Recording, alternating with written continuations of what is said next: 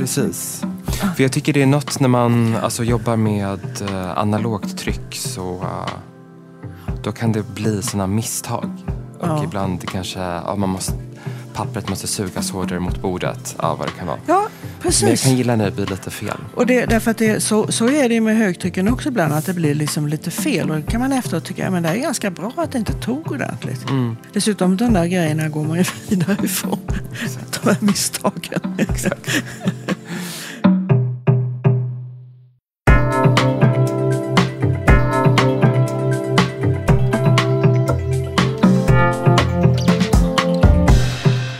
Hur arbetar konstnärer runt om i landet med grafik idag?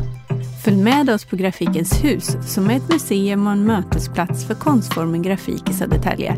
När vi nu fortsätter vår poddserie där två konstnärer från olika generationer pratar om relationen till grafik, beröringspunkter och frågeställningar som ryms inom deras konstnärskap. I detta avsnitt lyssnar vi till ett samtal mellan konstnärerna Afrang Nordlöf Malekian och Ulla Wennberg.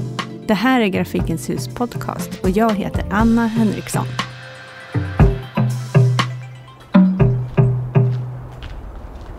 På Långholmen i Stockholm ligger ateljén och grafikverkstaden där konstnären Ulla Wennberg arbetar. Vi är på väg dit tillsammans med konstnären Afrang Nordlöf Malekian. Ulla är känd för att i sina trä och linoleumsnitt skapa en bildvärld där hon ifrågasätter rådande samhällsstrukturer. Bland annat hat och hot mot kvinnliga journalister och politiker. Hon gick ut Kungliga Konsthögskolan 1975. Jaha, kom du den här vägen? Ja, precis. Jag tog den här jättesmala trappuppgången. Ja, det var ju toppenbra att du hittade den då. Ja, kul att vara här. Ja, verkligen. Afrang som 45 år senare studerar på samma konsthögskola arbetar med frågor som vad är skönhet? Hur män respektive kvinnor har framställts i bild har förändrats över tid och ser olika ut världen över. Han jobbar främst med text, grafik och fotografi i sina verk och gör just nu ett residency inom vårt projekt Samlande tankar.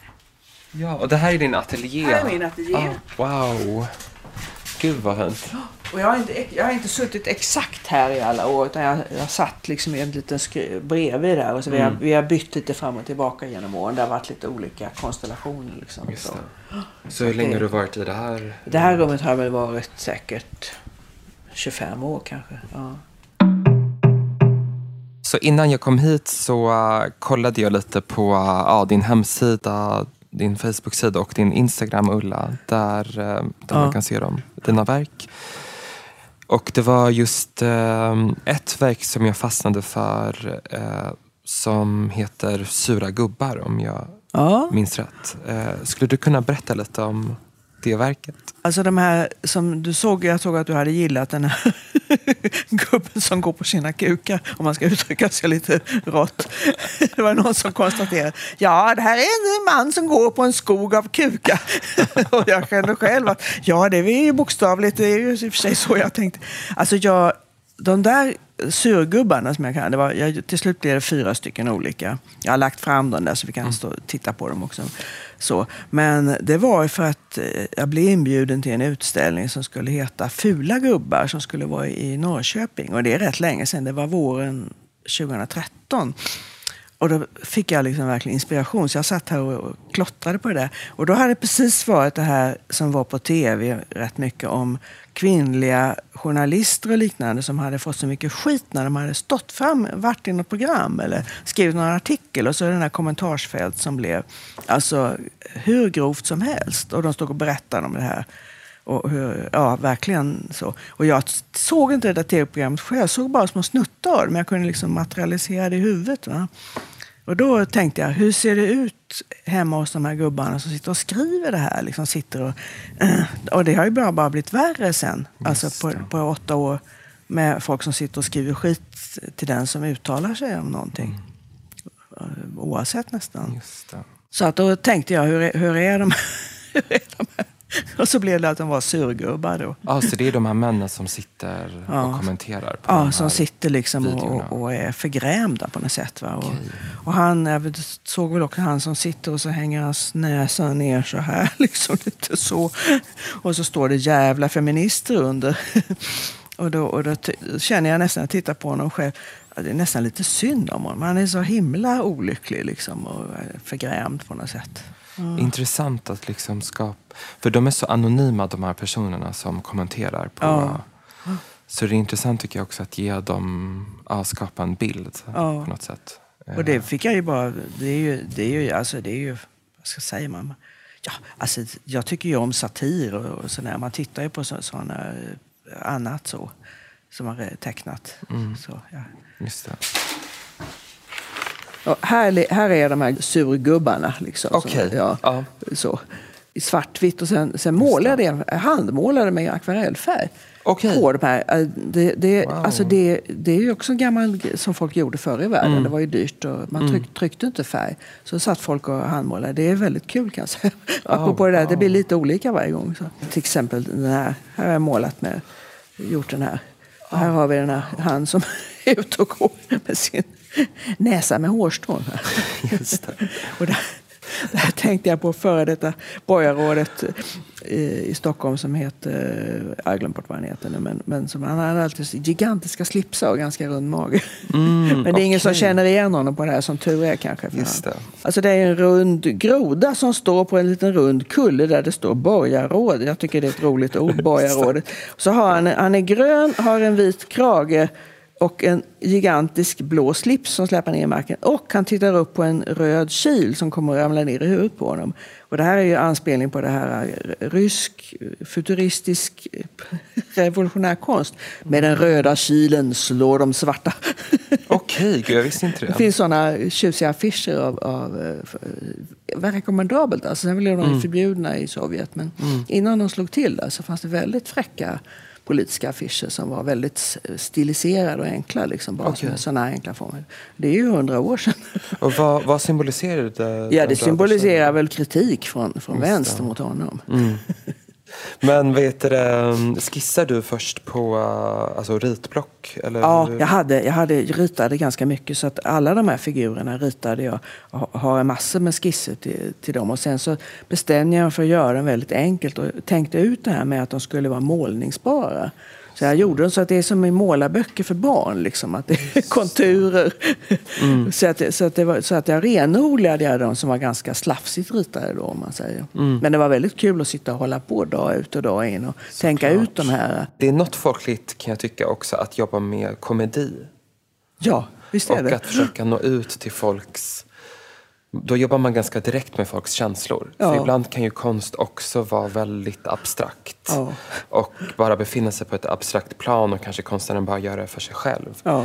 Men jag tycker komedi, då har man en, också en, eh, en publik framför sig som man Ja. vill ska skratta, tänker jag. Jo, det här var ju, det var ju väldigt roligt. Om man tänk, jag tänker ibland ja, jag borde beställa den här som klisterlapp och sätta upp. det var, ja, sån där, man kan ju känna ibland man vill gå, gå sabotera olika saker. Alltså klisterlappar som man sen sätter Som är lite i ganska staden. små, liksom, så man duttar dem på olika ställen. Ja, så det är är ungefär som folk idé. brukar göra med, med Hammarby eller, eller så. Eller, eller sitt ja, politiska grejer, men det är mest väl Just det. så, sån här, kan vara reklam för band och sådana också. För ser din, är din process, eller hur skulle du säga att din process ser ut? Hur den, har du en tydlig struktur? Eller? Ja du. Alltså det som jag har gjort jättemycket, gjort liksom någon sorts dagboksteckningar. Jag har suttit här därför att jag har tyckt det varit så svårt att göra någonting överhuvudtaget. Alltså, jag hade enorma problem att liksom få- till någonting. Och Det är så kravfyllt. Liksom. Och nu ska man skapa och jag omgås med folk som jobbade på i lugn takt och liksom presterade det ena grejen efter den andra och fick ställa ut. Och, det var, ja, och jag hade bara vånda. Och då satt jag och klottrade det här. Och, och sen plötsligt märkte jag efter några år att det här var ju som ett behov och det var ju det som på något sätt var det jag höll på med. Så ibland vet jag inte riktigt. Det är, jag kan vara väldigt nöjd när jag tittar efteråt att vissa av de här dagliga, och då är de väldigt snabbt ritade. Alltså, så. För jag gillade också den texten som var skriven till eh, om hela den processen. Ja, som stod, jag hade lagt upp den. Ja. Precis. Ja.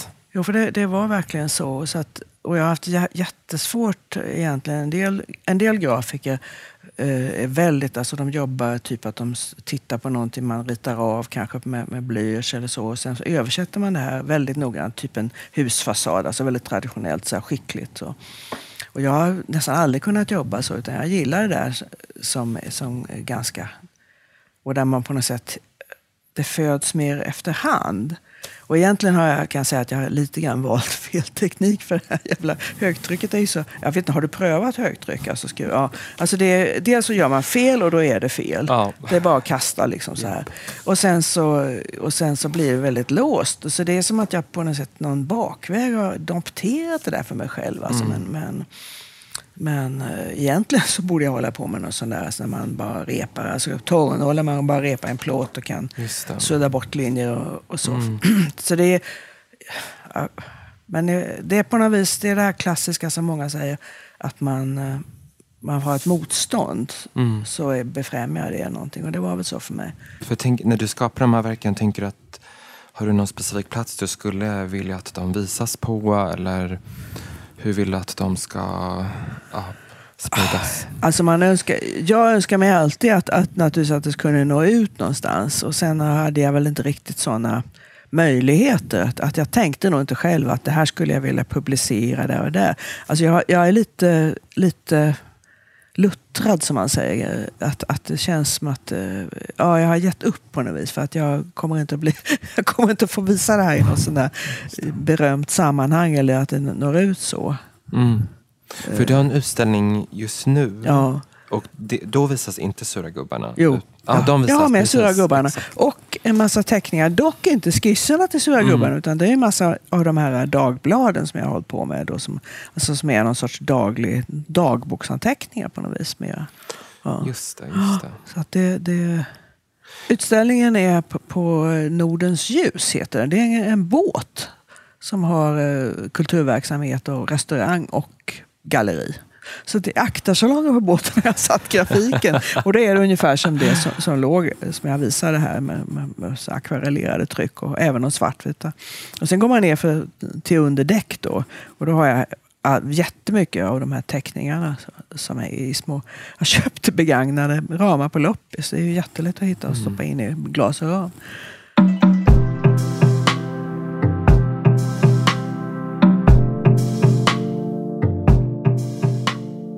Jag tänker också att ehm, ja, i ens konstnärliga process att det kan vara bra också. Jag kan också jag kan jobba med ett specifikt tema men jag brukar ändå ta vara på det här, ehm, de här spontana idéerna. Ja.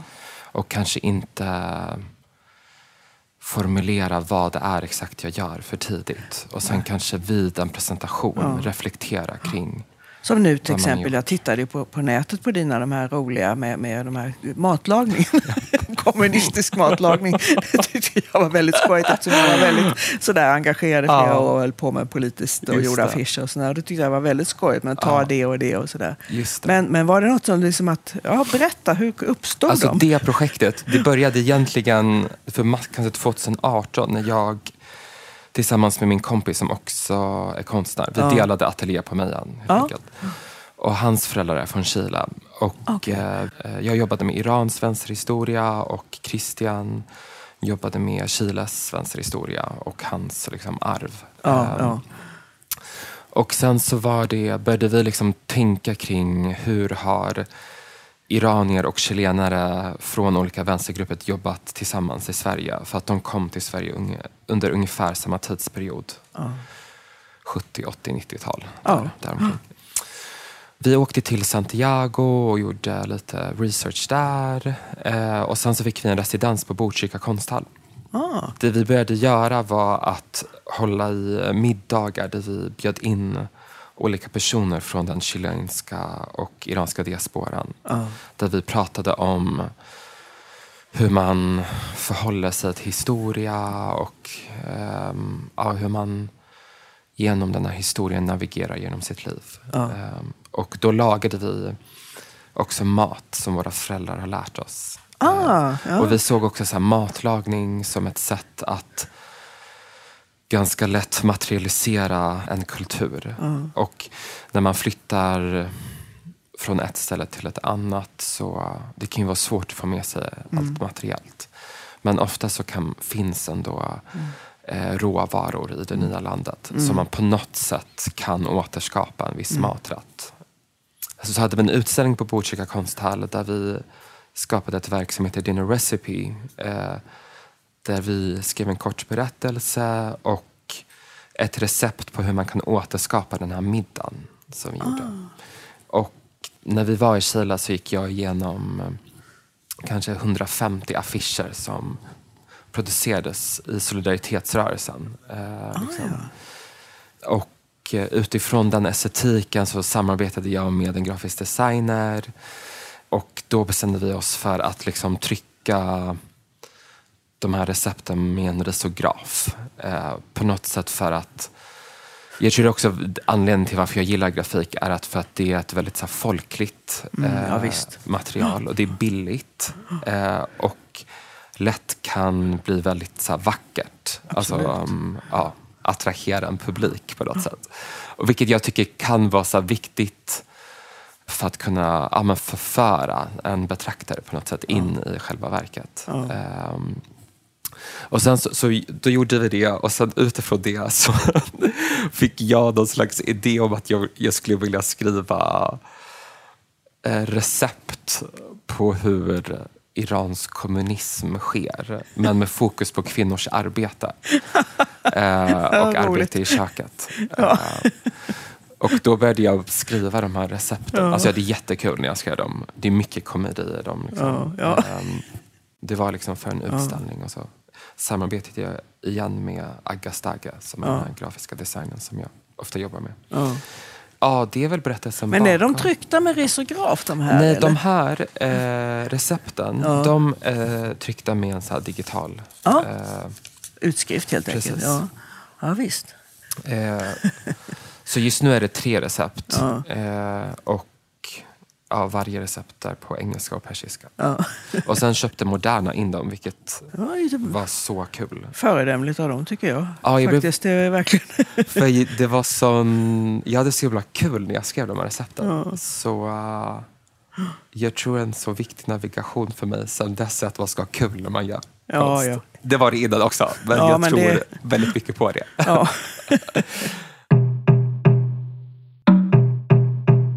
Ska jag berätta om dem lite? Gör det, Ja. absolut.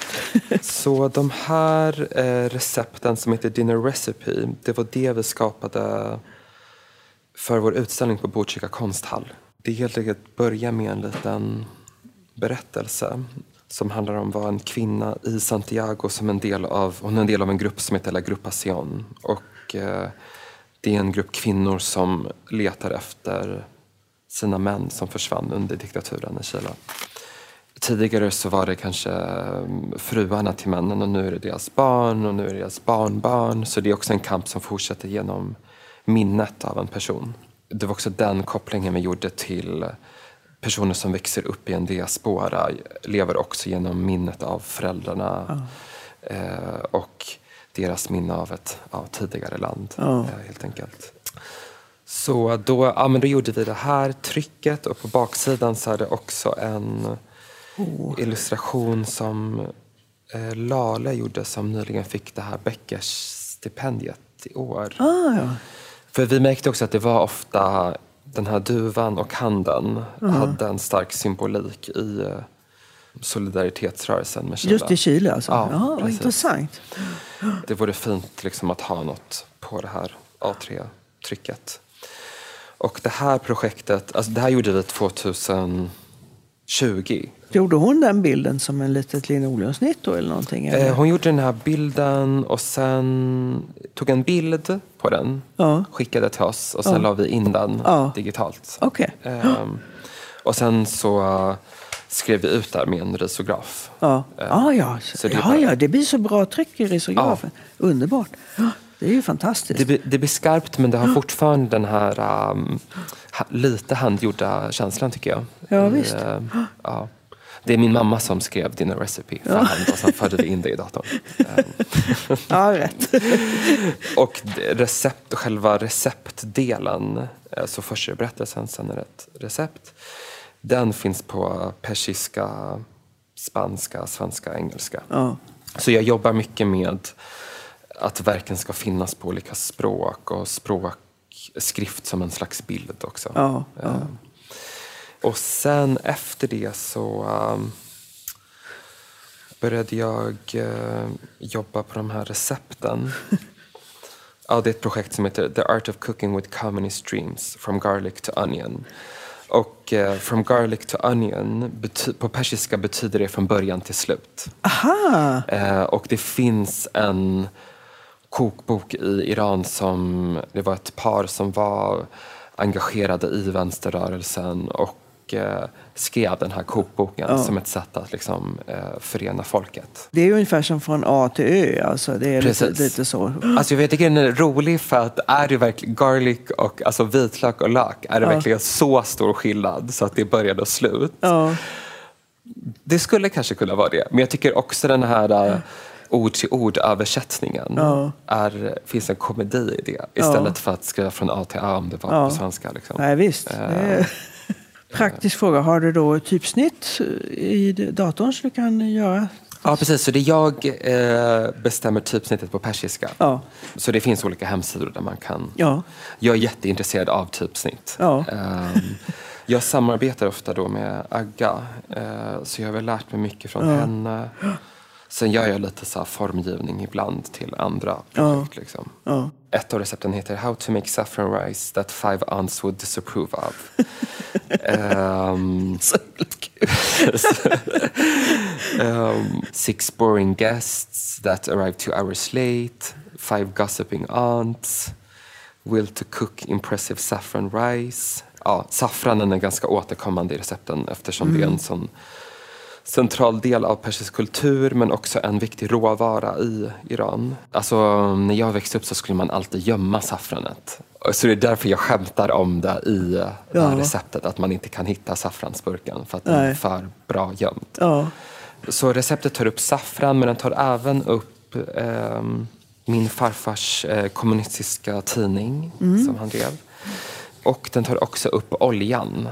Eh, så jag försöker jobba, alltså saffran, olja, sen nämner jag lite guld. Så jag försöker jobba med de här råvarorna som finns i landet. Och på något sätt anknyta till ja, dess ekonomiska historia. För att det är ju en kommunistisk kokbok. Eh, Men i somras så gjorde jag ett verk som visades i Folkets park i Malmö. Det var tre gigantiska tryck, det kanske var 1,5 gånger 2,2 meter. Just det, det var när jag såg på bilderna, det var som med, med ljus bakom. Va? Som, en, Precis. som en stor container nästan. Såg det ut som. Exakt. Ja. Så Folkets park beställde de här containrarna Ja. och sen fick vi göra vad vi ville. Ja. Men premissen var också att ingen kunde gå in i containern. Nej, utan det Så- var utan, utanpå liksom. Precis, så vi hade några, vi gjorde de här trycken, jag samarbetade med en konsthistoriker som heter Nour Hello. Alltså, det är en del av ett större projekt där vi jobbar med handkolorerade fotografier från Mellanöstern och Nordafrika. Och så skriver vi eh, noveller till de här fotografierna.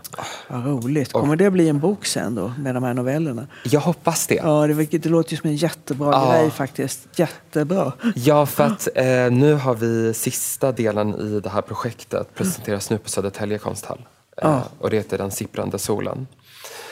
Den första delen hette Förmörkelsen av den kvinnliga och manliga solen. Och varje del kollar på hur eh, ja, men genus har förändrats i Mellanöstern och Nordafrika. Ja, jag läste igenom ganska noga det du, Mm, du hade skrivit där. Jag tyckte det var väldigt intressant. För jag tänkte dels på att det finns ju, finns ju en motsvarande bakåt i en europeisk historia med Mm. att, att män klädde sig oerhört, eh, som man skulle säga idag, feminint. Det var liksom knäbyxor som slutade där, högklackade Mm. skor och små rosetter och dessa peruker och så vidare. Eh, eh, Som, som ju totalt försvann sen då. Det var ju också bara i överklassen och så. Men ändå att, att det är så intressant faktiskt. Precis. Och det här var som eh, förskjutningar. Nu ska vi ta bort, liksom bort med det här. Får inte vara så feminiserat och för män då framförallt. Exakt. Det är mycket, alltså, ofta tänker jag på att det mycket, har varit mycket friare att vara kvinna. Som kvinna kan man klä sig i, i långbrallor ända sen, sen min mamma var ung. Liksom, kunde man välja långbrallor även om det sågs över axeln ibland. Va? Men, men du är fri liksom, att välja. Mm. Medan det är mycket, mycket svårare för män att, att Ja, börja precis. gå runt i kjol. Då måste man Ja. säga att det är skotsk kilt eller något sånt där. Ja, exakt. Ja, det är no- jag tänker, Ja, det med är superintressant faktiskt. Ja, verkligen. Jag kan också tycka det är intressant på det sättet att i, i det här projektet, det är inte så att vi säger att det var bättre förut för då fanns det också sina maktstrukturer. Ja, och ja, idag ja. finns det andra maktstrukturer. Men ja, på något sätt ja, se hur olika strukturer förskjuts Ja, hela ja. tiden och skapar nya hierarkier.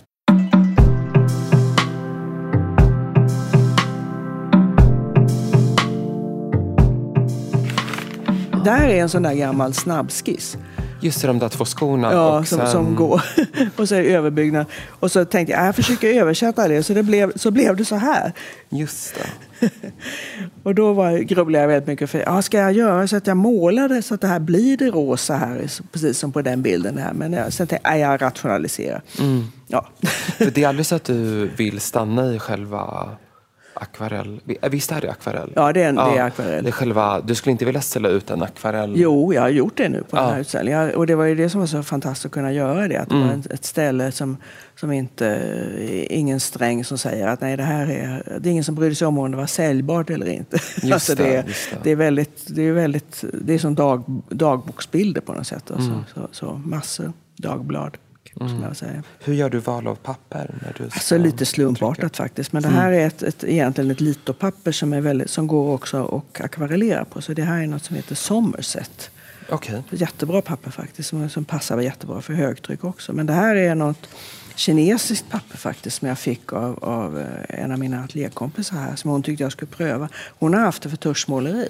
Okej. Och hon tyckte jag skulle pröva det och trycka. Och det gick jättebra att trycka högtryck på. Så. jättesnyggt. Ja, visst är det snyggt. Jätteskarpt också. Och så ser man också hur snyggt det är det pappret. Man ser den här liksom, papperstillverkningen, de här ränderna som är när den har legat på den här konstiga Mm. som de gör. den där. Just det. Nej, men just det, hur, om, du skiss, om du skissar liksom, i den här Mm. vid bemärkelse, hur gör du då? Så att Precis. säga. Sitter du med pennan i hand eller sitter du vid datorn? Sitter du och letar? Jag gör, alltså när jag skissar, jag gör på massa olika sätt. Men ehm, jag tror en, en stor del av mitt skissande är att skriva. faktiskt. Ja.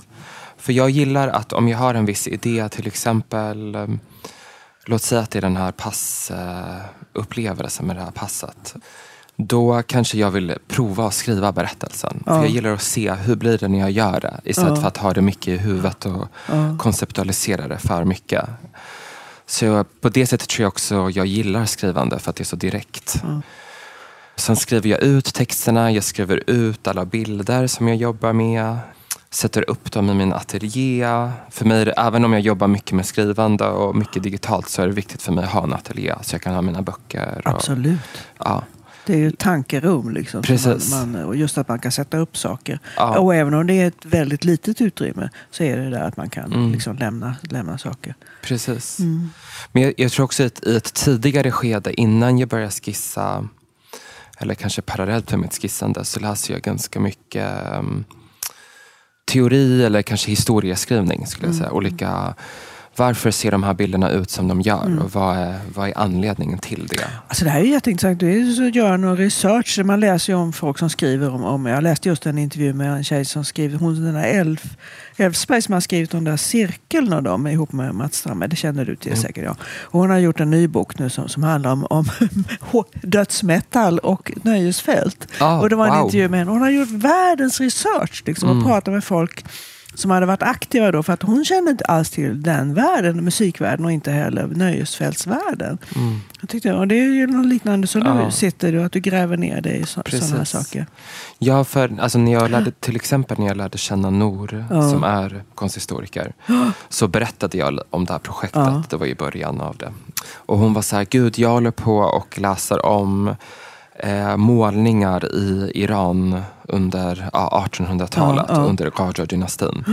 Där eh, skönhetsideal inte var könsbundna utan det var specifika attribut. Eh. Och på något sätt så eh, har det här, det lever vidare i den fotografiska praktiken i hela regionen.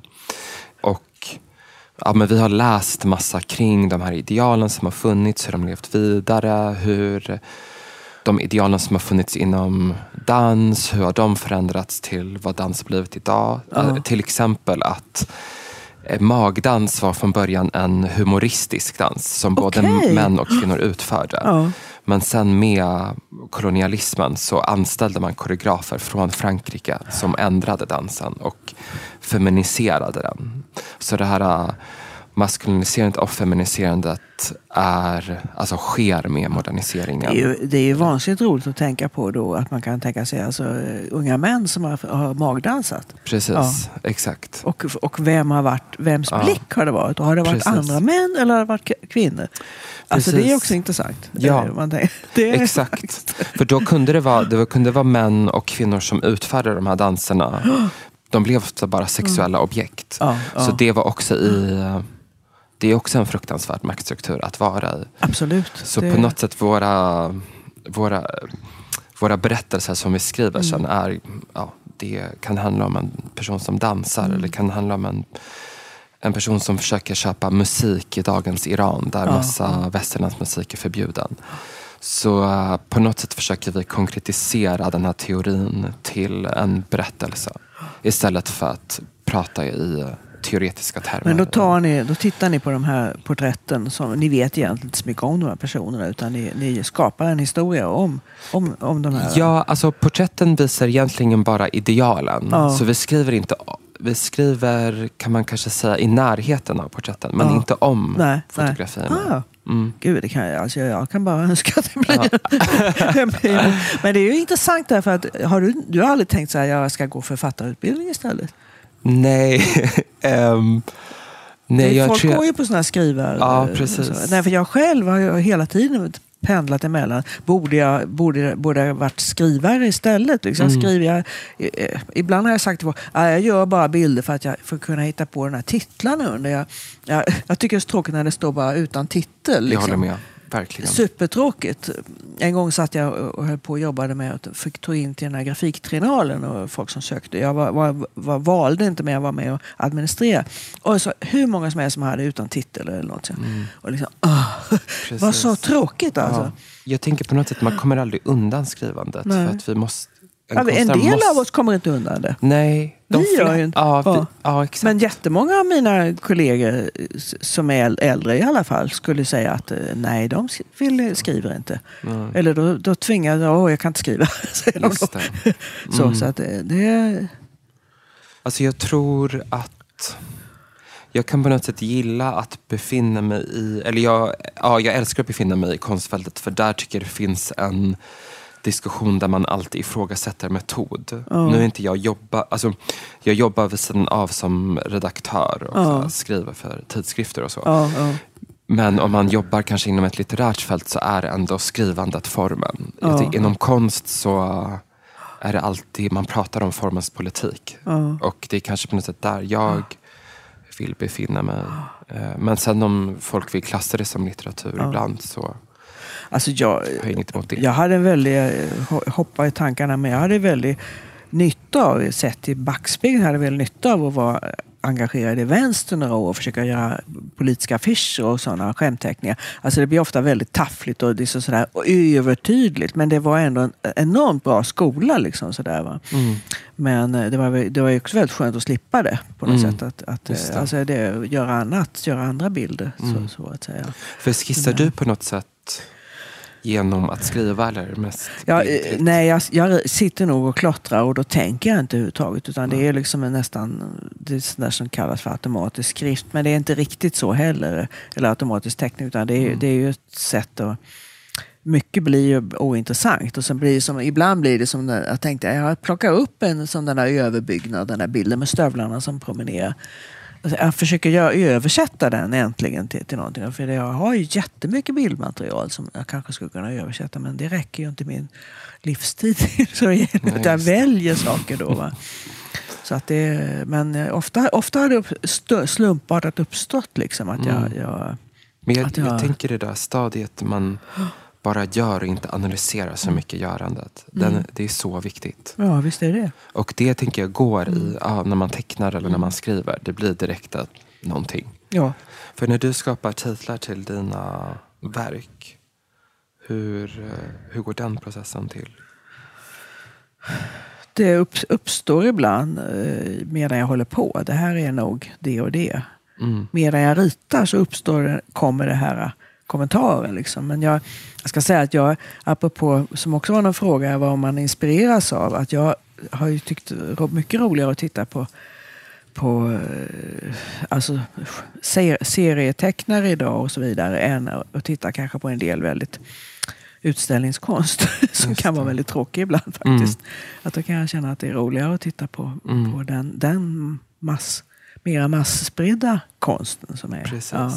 Att det känns väldigt hoppfullt ofta med de här som, serierna och som berättar på något sätt. Med, Just den här kombinationen att berätta med bild och, och, och text är tilltalande faktiskt. Ja, jag tycker också Ja. om den.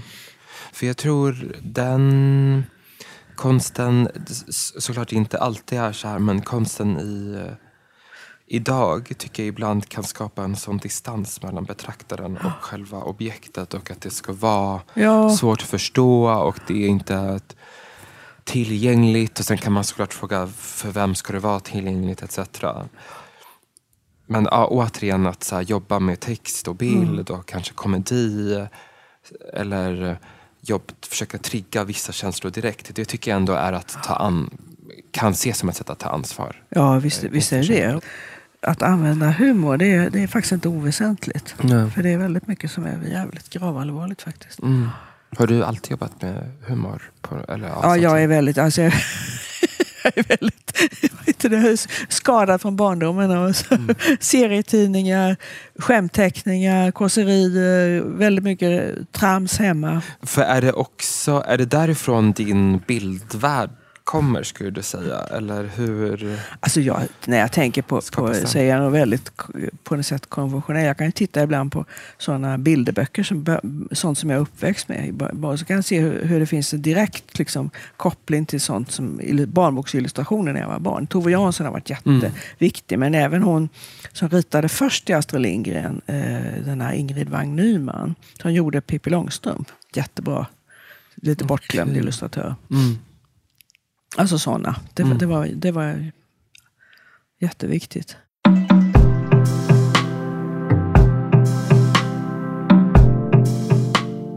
Alltså jag tycker det här var jättekul. Tack Ja, för att ni kom detsamma. hit. Tack, Afran och tack ni andra. Det var verkligen så roligt. Och jätteroligt att komma hit och ja, få se din ateljé och hur du jobbar och ja, få, få lära om din process.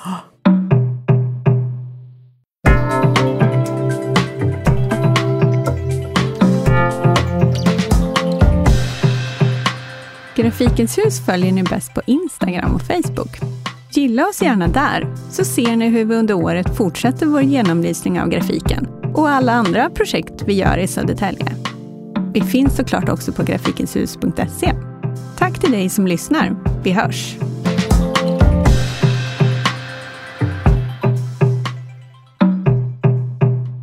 Det här programmet görs på Beppo. Beppo. Beppo. Beppo.se